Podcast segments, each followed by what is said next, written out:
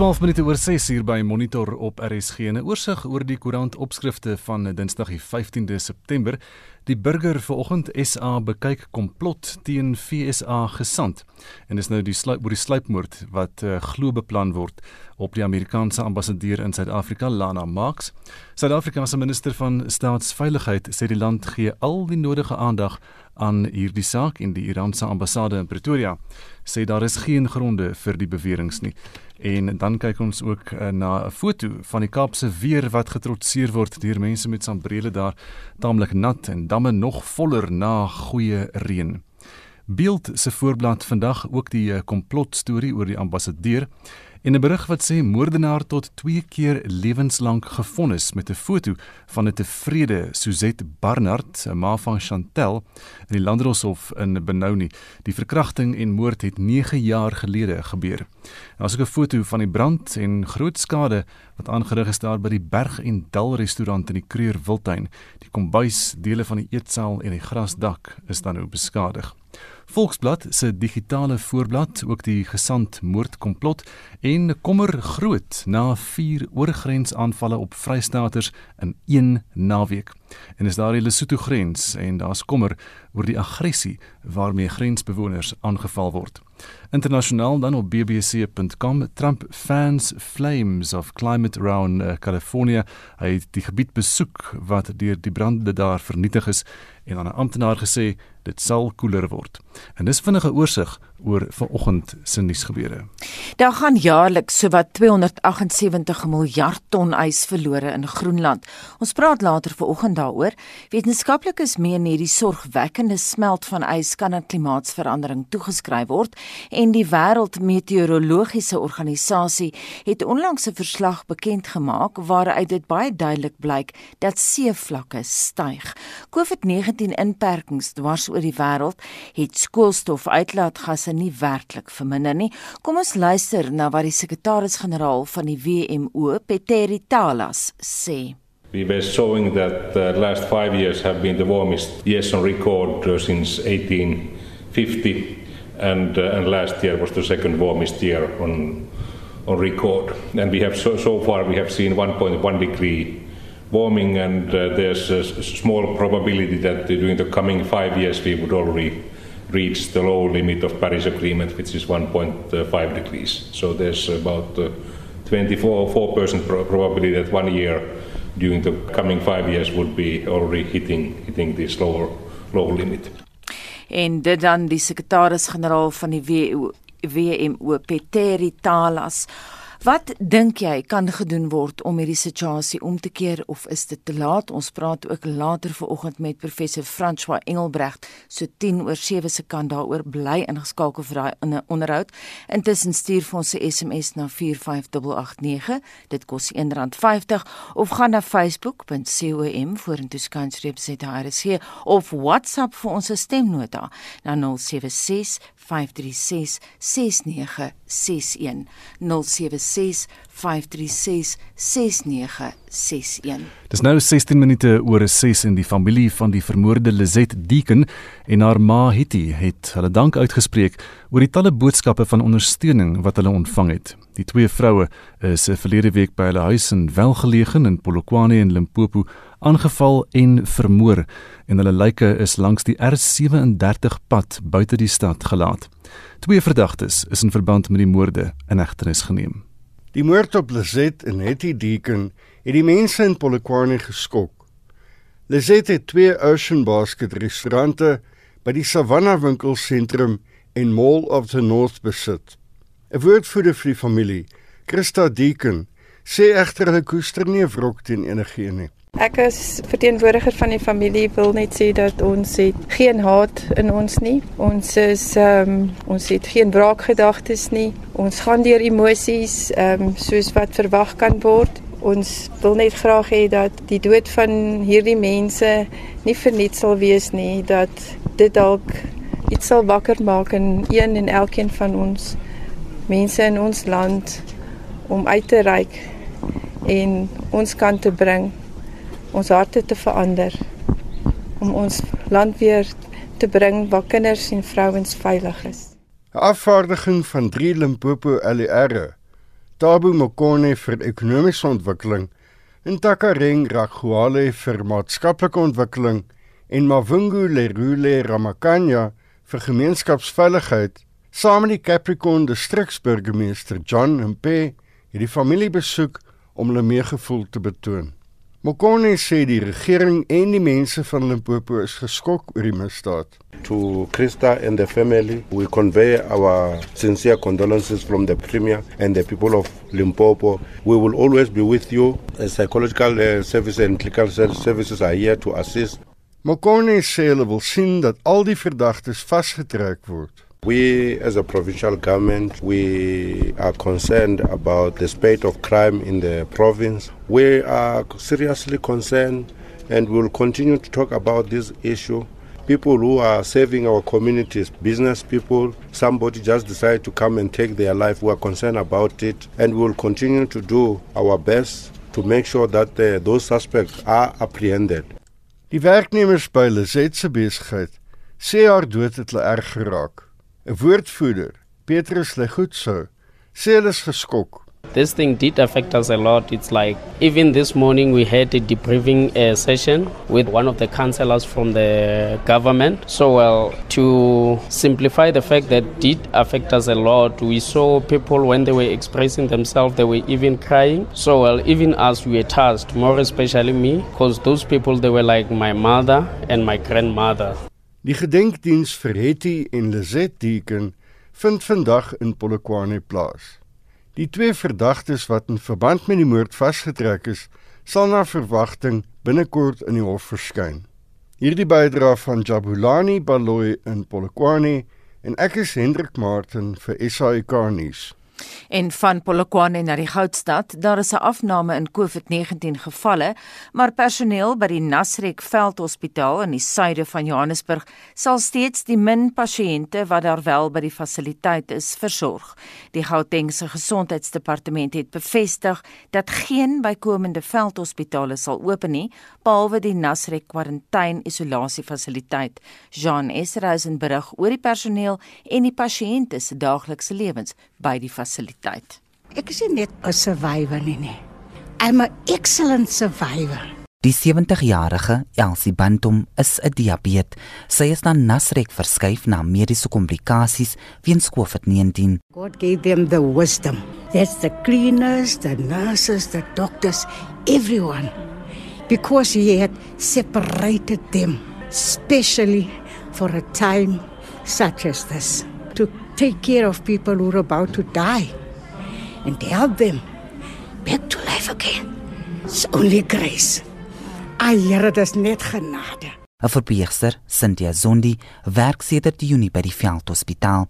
Sy sê om deel te wees van 'n persoon se herstelproses is 'n bevredigende ervaring. This corona it's new to all of us, to the nurses, to the doctors, and the others are dying, the others are very sick. You become very happy as a nurse to see your clients are surviving. That means we're doing our job. Die 44-jarige Lulanda Willie het die virus oorleef en na 10 dae in 'n siekbed is sy ontslaan. Today I'm done with my assignment. I'm going home. I'm discharged. I want to see my kids, mas. Pasiënte word deesdae daagliks ontslaan, maar die verpleegbestuurder, Nompumelelo Sibaya, sê dit was nie altyd die geval nie. Wow, the first patients that we discharged out, we were clapping hands saying, Wow, people can recover. We were very happy. It was thrilling because we were not sure if we were going to make it. Jong verpleegsters het ook baie by die 74-jarige Nomfundo Lando geleer.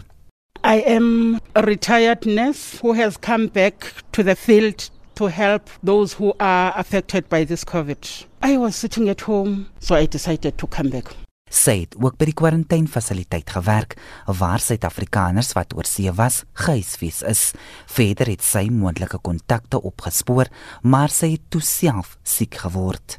You know, I had a long sick leave anyway. Thereafter, you know, this anxiety at home, I'm all alone. Then I had, well, I could be of some help somehow. Let me go back. Sy is een van vier afgetrede verpleegsters wat by die veldhospitaal werk na hulle van COVID-19 herstel het. Sibaya sê haar verhaal bied hoop aan pasiënte wat herstel. Here, people recover from COVID while they are comfortable, touched, approached, spoken to, not discriminated. Verpleegster Zondi stem saam. It's better to be isolated with other people, and you will be assured by seeing the other patient healing in front of you. Sy sê Suid-Afrika wen die stryd teen die virus en as 'n verpleegster is dit 'n wonderlike ervaring om te beleef. In late years, you would tell the young people that there once there was a pandemic called Corona. I was part of it. Volgens die Gautengse Gesondheidsdepartement sal geen ander veldhospitale hul deure heropen nie. Die verslag deur Jermaine Kriege, Jean Estreisen, SAICanis. Maar is dit inderdaad so dat die COVID-pandemie in Suid-Afrika besig is om oor te waai? So om kwart voor 7 vanoggend praat ons met iemand om 'n antwoord hierop te kry.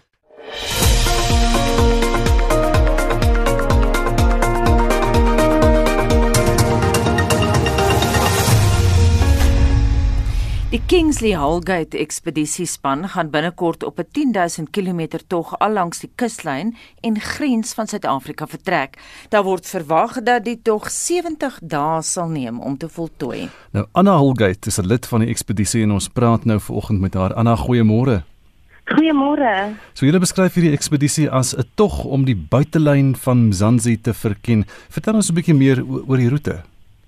Ja, nee goed, ons ehm um, beplan om die ons tradisionele Zulu kalbas met seewater te vul naby Kosi Bay, die mees suid um, oostelike punt van Suid-Afrika.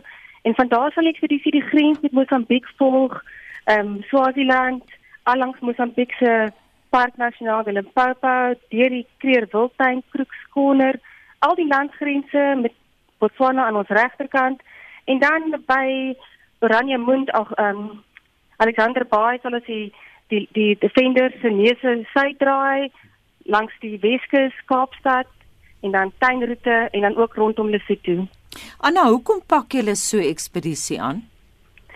Ag, jy weet met die ehm um, met die aanvang van die van hierdie COVID pandemie het dit soos, soos vir soveel ander het dit ons avonture tydelik gehaal en letterlik ons planne in die wiele gery maar ehm um, dit het nie ons opgehou ehm um, gesoek as droom nie en gou-gou het ons met 'n voedingsskema begin waar ons voedselpakkette uitgedeel het um veral langs wildbewaringsgebiede waar mense waar die toerisme heeltemal platgeval het en mense baie mense hulle werk verloor.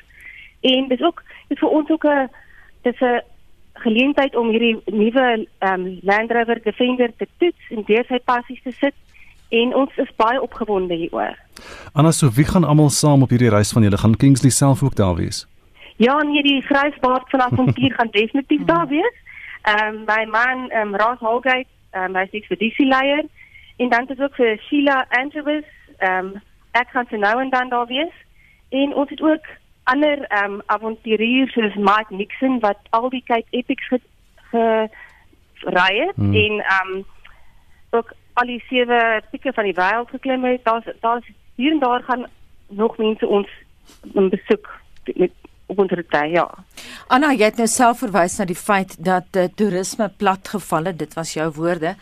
Inderdaad is dit so. Dink jy hierdie bedryf kan nou 'n hupstoot kry met hierdie ekspedisie van julle? Kan julle veral buitelanders byvoorbeeld lok? Ja, nee, verseker. Ehm um, met baie mense volg ons ons ekspedisies en dit is vir ons ook nou 'n wonderlike geleentheid om binne ons eie land ook ons eie land te verken. Gewoonlik is ons op, op pad na ver afgeleë plekke en um, buite ons grense en nou ehm um, kan ons ook nou ja tuis ons ehm um, tema om avontuur te gebruik om lewens te red en verbeter ehm um, en om 'n verskil te maak. Ons kan dit nou ons kan dit ook nou tuis gebruik en ek is seker van die boodskap sal wyd versprei word. Anna, jy het nou self vroeër gepraat ook van die COVID-19 uh, coronavirus pandemie. Hoe ja. beïnvloed dit julle planne in hierdie stadium? En dit het ons dit het ons ehm um, tuis gehou soos almal. Hmm. En ehm um, nou sal dit ook met die met met die wat die ehm um, inperkingsregulasies verslap het, kan ons kan ons nou deur die provinsies reis en ehm um, ek is seker daarvan ehm um, ehm um, ons moet definitief versigtig wees met die al die protokolle volhou en ons versprei ook um, gesigmaskers, ehm um, handsanitasie middels en ons het ook um, termometers wat ons gaan uitdeel veral in die plekke waar dit waar dit um, redelik sensitief is. Anna net laasens, dit is nou die eerste keer dat die nuwe Land Rover Defender tot so mate in Suid-Afrika getoets gaan word. Ja.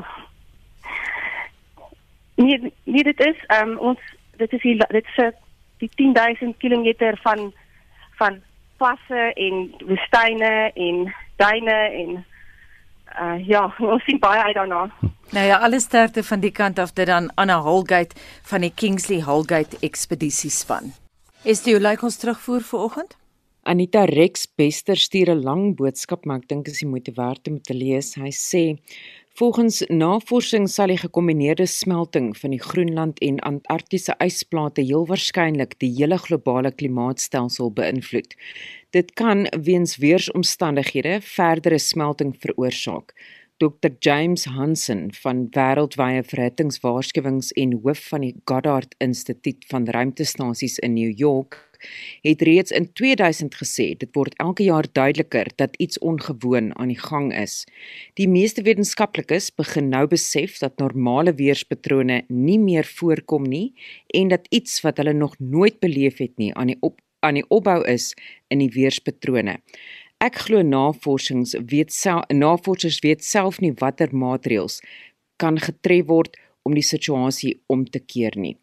En dan sê Loukie van Ermelo, Ek dink dit is te laat, maar raak ontslaaf van alle steenkoolkragstasies. En Ann Killian skryf vir ons, ons kan maar net almal ons deel doen om aardverwarming te keer. Die res is in ons regerings se hande.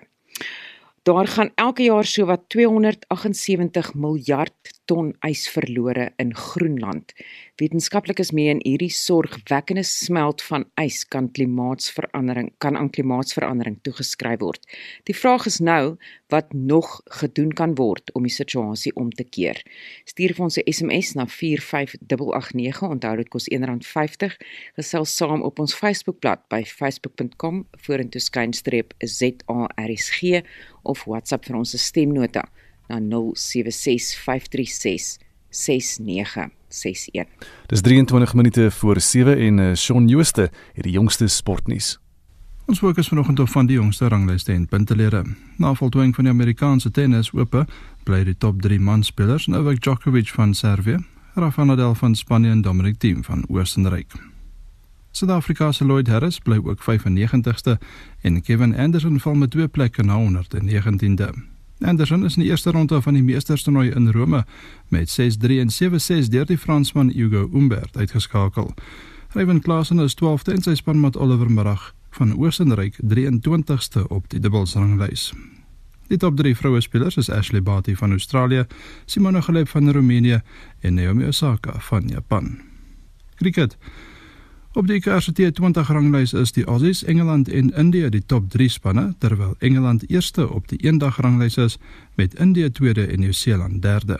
Onthou gerus dat die derde en beslissende kragmeting van die eendag reeks tussen Engeland en Australië môre gespeel word. Motorsport.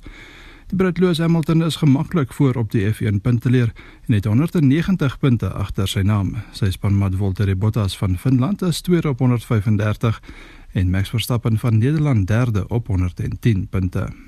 Op die vervaardigerspunte leer staan Mercedes nou op 325, Red Bull op 173 en McLaren op 106 punte. Op die MotoGP punte leer is die Italianer Andrea Dovizioso op 76, die Fransman Fabio Quartararo op 73 en die Aussie Jack Miller op 64 punte die top 3. Suid-Afrika se Brad Binder is 8ste op 53 punte en in die DTM reeks is Suid-Afrika se Sheldon van der Linde 6ste op 72 en Jonathan Aberdeen 12ste op 24 punte. In die golfwêreld bou die Amerikaner Dustin Johnson sy eerste plek op die jongste mansranglys met die Spanjaard Gonram tweede en Justin Thomas ook van Amerika derde. Suid-Afrika se Louis Oosthuizen val met twee plekke na 25ste terwyl Erik van Rooyen 48ste en Christian Besaidnout 52ste bly. Chen Yanko van Suid-Korea bekleed die eerste plek op die vroue ranglys met die Amerikaner Nelly Korda tweede en haar landsgenoot Danielle King derde. Suid-Afrika se Ashley Buy sak met 4 plekke terug na 97ste. Fietsry In die 2020 Tour de France is Primož Roglič van Slovenië die algehele voorloper en dit is na 15 skofte. Sy landsgenoot Tadej Pogačar is tweede met Rigoberto Urán van Colombia derde. Suid-Afrika se Darryl Impey is 99ste. Pogačar dra ook die wit, Sam Bennett van Ierland die groen en die plaaslike Benoit Consfroy die gespikkelde trui. Simon Yates het die eerste Brit geword om die Tirreno Adriatico in Italië te wen. Sy landsgenoot Geraint Thomas was tweede met die Pool Rafael Majka derde en Suid-Afrika se Louis Mentjes het 12de geëindig. Die Hollander Annemiek van Vlettern is die voorloper in die vroue Giro d'Italia na vier skofte en Suid-Afrika se Ashley Moolman-Pesio is sewende. En laastens in sokkernuus. Op die Engelse Premier Liga punteleer is Arsenal, Leicester City, Chelsea en Newcastle United die top 4 spanne op 3 punte. Dit is wel na net een ronde. In Spanje is daar ook nog net een ronde gespeel en Valencia is die La Liga voorlopers. En in Frankryk in Ligue 1 staan Rennes, Monaco en Lille op 7 punte na 3 rondes. Shaun Schuster, SAK Sport. Dis 19 minute voor 7 en die beroemde Britse natuurkundige se David Attenborough het die naweek 'n beroering veroorsaak toe hy op 'n BBC TV-program gewaarsku het dat Moeder Aarde se ekostelsel in uiterste gevaar is. Trouwens, hy glo 1 miljoen van die aarde se 8 miljoen diersoorte is aan die uitsterf. Vir sy mening daaroor praat ons nou met professor Henk Bouman van Noordwes Universiteit se departement dierkunde. Môre Henk. Uh, goeiemôre Anita, goeiemôre Gustaf en goeiemôre luisteraars. Henk Attenborough sê nou die aantal werweldiere, dis nou soogdiere, visse, reptiele en amfibiërs, het ja. sedert ja. 1970 met 60% afgeneem. Hoe gefundeer is daardie inligting? Uh, dit is redelik sterk gefundeer. Ehm um, dis nou getalle, né? Dis absolute getalle nie hmm. noodwendig die spesies getal spesies as sulks nie. Maar as ons mooi terugdink aan ons ehm um, het ons jeug die van ons wat 'n bietjie ouer is. Ons sal ons agterkom as ons weer buite kyk. Jy weet alles wat ons sien voels en paddas wat ons hoor in die veld en sulke goed. Die getalle daarvan, daar is minder. In baie plekke is dit minder. Daar is seker plekke waar dit lekker nog steeds gebalanseerd is, maar uh, in baie baie plekke neem dit af. En hierdie kom nogal uit 'n waarskuwing van Rachel Carson in die 60s oor die gebruik van gifstowwe in die omgewing, onder andere DDT. Maar Siren Spring is gaan juis oor die ehm um, terwyl in, in, in die lente minder voels is en dit is een van die waarskynlikhede of moontlikhede wat gaan gebeur uh indien ons net mooi niks doen nie. Nou Henk Attenborough waarsku ook boonop dat die tempo van uitwissing 'n uh, 100 keer vinniger is as wat die natuurlike evolusionêre soort van uitsterwingstempo sou gewees het. Stem jy saam daarmee? Uh, tot mate ja. Kyk hierdie 100% is gebaseer op 'n uh, biljoene jare se uh, kennis wat ons het van fossiele af hoe die hoe nuwe spesies aangekom het met um, en weer uitgesterf het. 'n Gemiddelde spesies leeftyd is ongeveer 2 miljoen jaar. Ehm um, die mens op tans is 170 180000 jaar. Dus ons het daarom nog 'n rukkie te gaan teen die gemiddelde. maar uh, as ons kyk globaal tans het ons meer uh diversiteit as wat ooit voorheen bestaan het op die aarde. Maar voorheen het daar meer spesies uitgesterf as wat ons tans het. Dus die ommekeer daarvan is natuurlik. Maar hierdie versnelde uh, verlies aan biodiversiteit is wat baie kommerwekkend is want ons het geen ander rede wat ons kan toedig aan hierdie verlies aan biodiversiteit as as die mens se impak nie. En daar is heel wat ehm um, scenario's en goed wat wat wat ons hier aan kan koppel. Die voorspellings daarvan is nog redelik sterk robuus. Ehm um, dat pas 'n studie in Nature verskyn oor ehm um, indien al die modelle uh, bymekaar sit laat my bietjie dink aan gisteroggend se se se gesprekkie wat hulle gehad het. Maar indien ons al die modelle bymekaar sit, ehm um, van in, in terme van landgebruik van dis al die die dryfveer is onder andere wat ook onder andere gister uitgekom het nê is die mense word ryker en daar's meer mense dus daar's meer hulpbronne wat benodig word uit die omgewing uit. En ehm um, dit skep 'n behoefte aan 'n beter lewensomstandighede en dan veral beter kos. Maar meer kos en beter kos beteken dat ons heelwat meer impak gaan hê op die omgewing uh, in terme van landgebruik. Mm. Nou hierdie navorsers het vier landgebruikmodelle gevat, agt biodiversiteitsmodelle. Ehm uh, dit alles bymekaar gesit en gekyk na die verskillende scenario's wat daar uitkom en dan ook uh, gekyk na wat uh, weet wat kan gebeur indien ons ehm um, impakte het en indien ons intervensies in doen.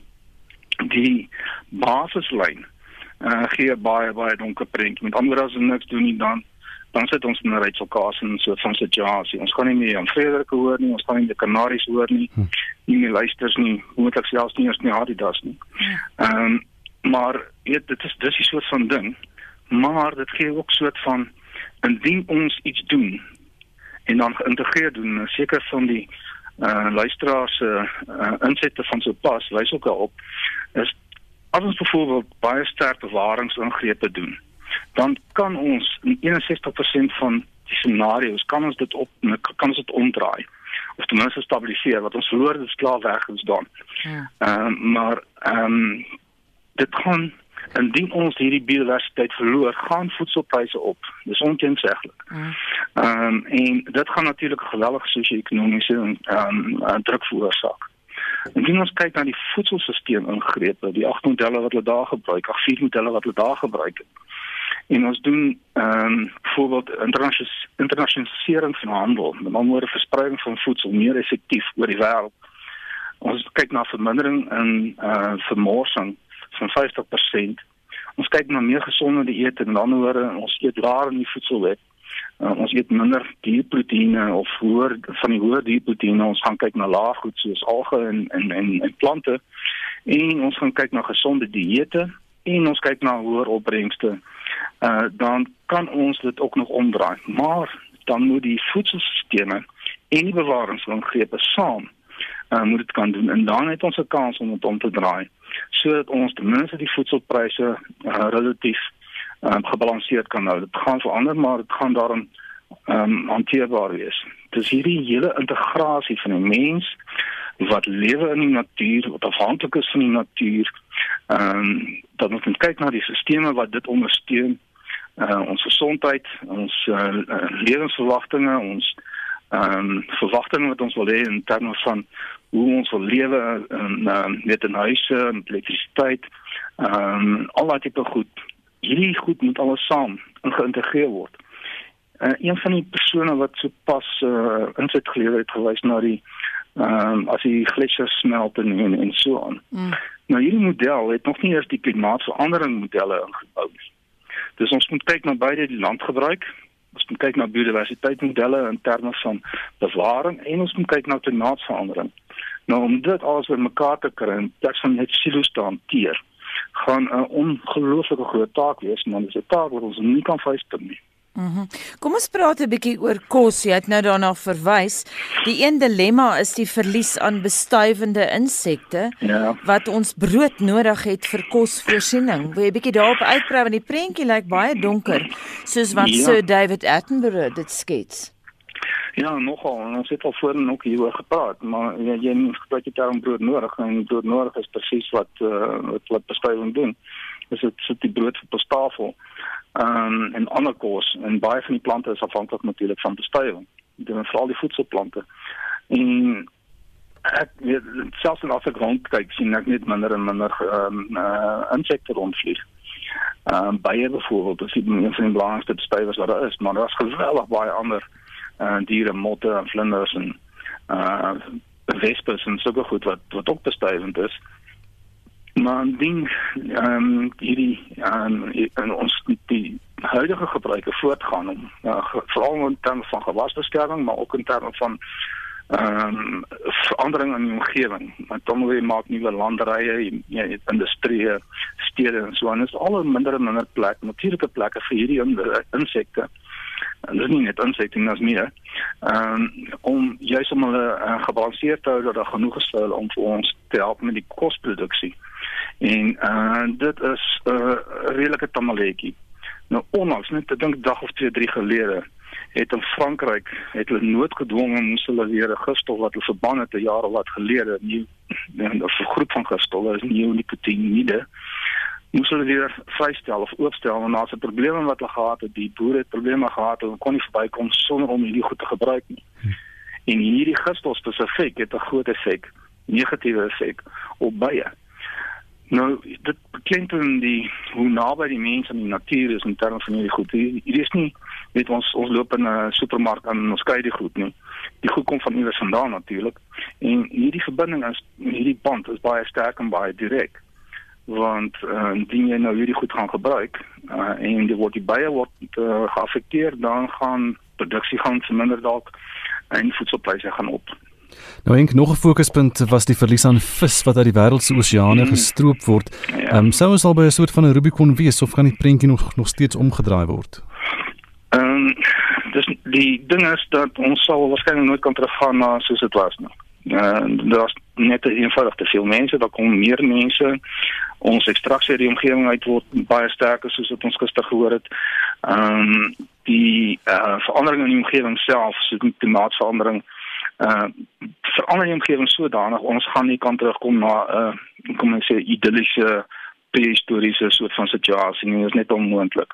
Dis die Rubicon is lankal oorgesteek. Maar uh, op sekere plekke kan ons nog wel probeer terugbou. As ons dink byvoorbeeld aan die kabeljauvisserye in die Noord-Atlantiese Oseaan, uh dit was meer as 100 jaar gelede. Uh die oorvisserye daar, so die oorverhaling vis daar het 'n enorme verandering uh, teweeggebring in die ehm um, ja marine ekosisteem daarso. Die kabeljoue kan nie meer teruggaan na waar dit was nie, selfs al doen ons niks nie. Ja. Uh want die ekosisteem het alreeds sodanig verander omdat daar minder van hulle was. Nou is dit nie meer moontlik vir hulle om terug te kom na waar dit voorheen was nie. Ons Rubicons, ons het te veel om dat ons nie meer kan oorsteek nie. Baie dankie en so sê professor Henk Bouman van Noordwes Universiteit se departement dierkunde. President Cyril Ramaphosa gaan na verwagting sy landgenote later die week oor die land se stryd teen COVID-19 toespreek. Hy sal ook waarskynlik die verslapping van inperking na vlak 1 aankondig. Nou Suid-Afrika het meer as 650 000 bevestigde COVID-19 gevalle waarvan 88,9% herstel het. Vir jongste oor die COVID-19 statistiek en verwante gesondheidskwessies praat ons nou met 'n koronavirus spesialis van die Universiteit van die Wes-Kaapland, professor Bertram Fielding. Bertram, goeiemôre. Goeiemôre Gustaf, goeiemôre Anita. Goeiemôre. Waaraan kan Suid-Afrika se lae daaglikse infeksiekoers toegeskryf word? Gustaf, om eerlik te wees, um, as jy skindiges weet ons net nie hoekom die, die getalle so laag is nie. Um, ons kan spekuleer wel en ek dink dit is 'n uh, 'n mate van hoe ons toets op die oomblik en wie getoets word. Um, ek dink daar is nog 'n bit eh, 'n uh, bietjie van 'n stigma aan aan toetsing en en um, om positief te toets. So ek ek ek dink nie almal gaan te toets wanneer hulle vir toets gaan nie. En en dis ook 'n faktor van die getal asymptomatiese en mense met ligte COVID-19. So ek dink dis 'n bietjie van alles dit. Ehm um, maar oor groter meerderheid dink ek dis dis 'n faktor van mense wat nie toets nie. Mhm. Mm ons het daarom ook 'n jonger bevolking. Definitief. So dit is een van die faktore wat ons van die begin af gedink het sou Afrika nie net Suid-Afrika beskerm nie, maar ons moet ook kyk na miskien ehm um, genetiese faktore, ehm um, voeding. Speel wanvoeding byvoorbeeld in Afrika uh, 'n rol. So alles dit kan gekoppel wees aan die immuniteitstelsel en hoe dit reageer tot uh, COVID. So al hierdie tipe faktore, um, ek dink uh, um, Anita, jy het my soort 'n uh, rukkie gelede gevra oor die enstowwe wat ons kry as kinders. Mm. En en selfs dit, um, of is dit 'n faktor van die vier sirkulerende virusse uh, wat ons 'n mate van beskerming gee wanneer ons dit enstowwe teen hulle. Ons weet net nie, maar ek dink dit dit sal op die einde sal ons na al hierdie faktore moet kyk en dit sal heel waarskynlik meer as een van hierdie faktore wees. En as dit kom by die by die sterftesyfer, is ons ook baie laag in vergelyking met ander lande. Ja, en ek en ek dink dis ehm um, al hierdie faktore wat saamspeel om die die getalle lig uh, minder te maak, maar ek dink dit is ook as jy kyk na reg aan die begin van hierdie pandemie, baie van hierdie gevalle was in ouerhuise en dan in hospitale. So ek dink dit het ons 'n bietjie voorberei So ons is meer bedag waarom te kyk en hoe te reageer in daai ouete huise en dan in hospitale ook. So ek dink dit het ook 'n bietjie van 'n rol gespeel, maar weer eens, dit ek dink dit is dit, maar ook daai ander faktore wat ons vroeër van gepraat het.